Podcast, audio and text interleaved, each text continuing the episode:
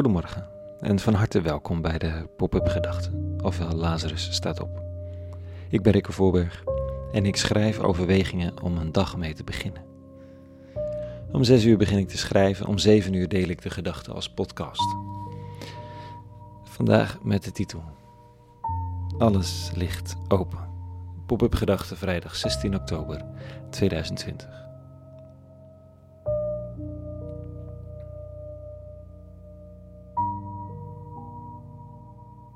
Het schijnt dat Facebook nogal veel van ons weet. Over de staat van onze relatie, onze voorkeuren qua pindakaas en in welke levensfase we zijn. Je checkt gewoon met het materiaal van miljoenen anderen wat iemand googelt en welke sites hij bezoekt. En je weet waar iemand ongeveer zit in zijn of haar leven. Is dat erg? Ik kan me niet aan de indruk onttrekken dat er iets geks gebeurt als we vanwege het gratis gebruik van allerlei online diensten allemaal reclame ons door de strot laten duwen. Maar goed, daar gaat het niet over vandaag. Het gaat over het einde van de verborgen sfeer. Is er nog iets privé? Kan ik nog iets voor mezelf houden, zodat niemand het ooit zal weten?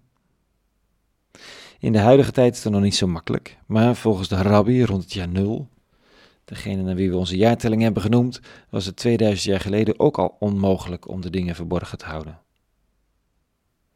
Dat is onrustbarend, ondanks het feit dat er geen sprake was van reclame die de hele tijd tussendoor kwam in je offline leven.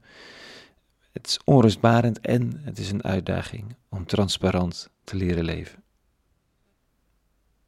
Dit staat er vanochtend. Wacht u voor de zuurdeeg, dat wil zeggen de huichelarij van de fariseeën niets is bedekt of het zal onthuld worden.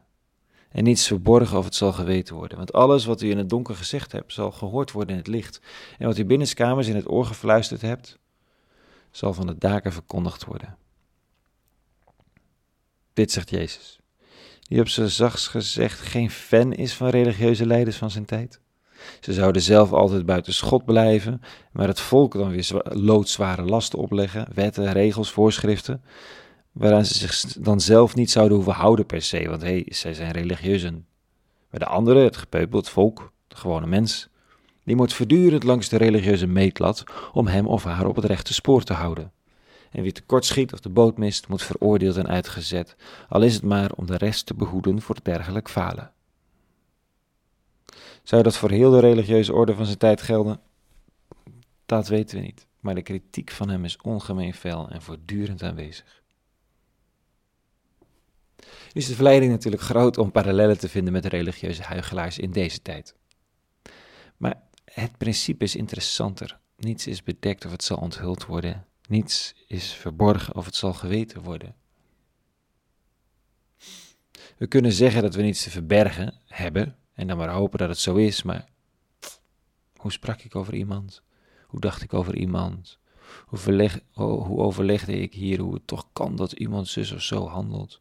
Hoe was ik oneerlijk tegen derden, tegen mezelf, tegen mijn vrouw, tegen mijn kinderen? Ik leef lang niet altijd naar de waarden die ik probeer hoog te houden. Hm. Je ziet bijvoorbeeld hoeveel moeite men zich troost in de presidentsstrijd in Amerika om in de geschiedenis van iemand te duiken en zooi over de ander naar boven te brengen. Het is er altijd. En dan? Kan ik de dingen beter verborgen houden? Tegen minder mensen zeggen, niet op de mail zetten, niet op Facebook, ook niet in privéberichten, niet op WhatsApp. Want hé, hey, dat is toch ook eigendom van zo'n bedrijf? Beter verborgen houden? Of zoeken naar een ander leven, het beter doen, eerlijker, transparanter, zuiverder. Misschien zijn beide wel doodlopende wegen. De een creëert nog donkerder hoekjes in de hoop dat iets daar wel verborgen blijft. De ander legt de lat hoger en neemt een aanloop. In de hoop er zo wel te mogen zijn. De werking van christendom is de weg van vergeving. Van jezelf, van de ander. En die wordt altijd vooraf gegaan aan besef van falen en erkennen ervan. Niet de perfecte mens overleeft, maar de vergeven mens.